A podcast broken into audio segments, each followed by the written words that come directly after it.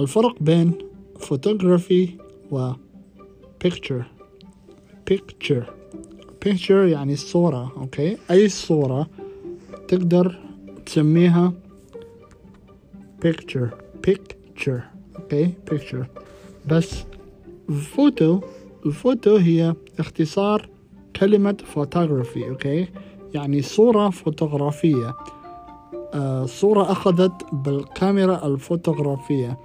لهذا السبب يسموها photography okay photography. أو فوتو مثلا إذا ترسم صورة مثلا إذا إذا أنت رسام وترسم شيء ما راح تقول I draw this photo. No that's wrong. هذا غلط.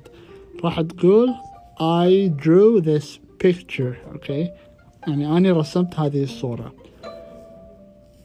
Picture يعني صورة أي صورة تقدر تسميها picture.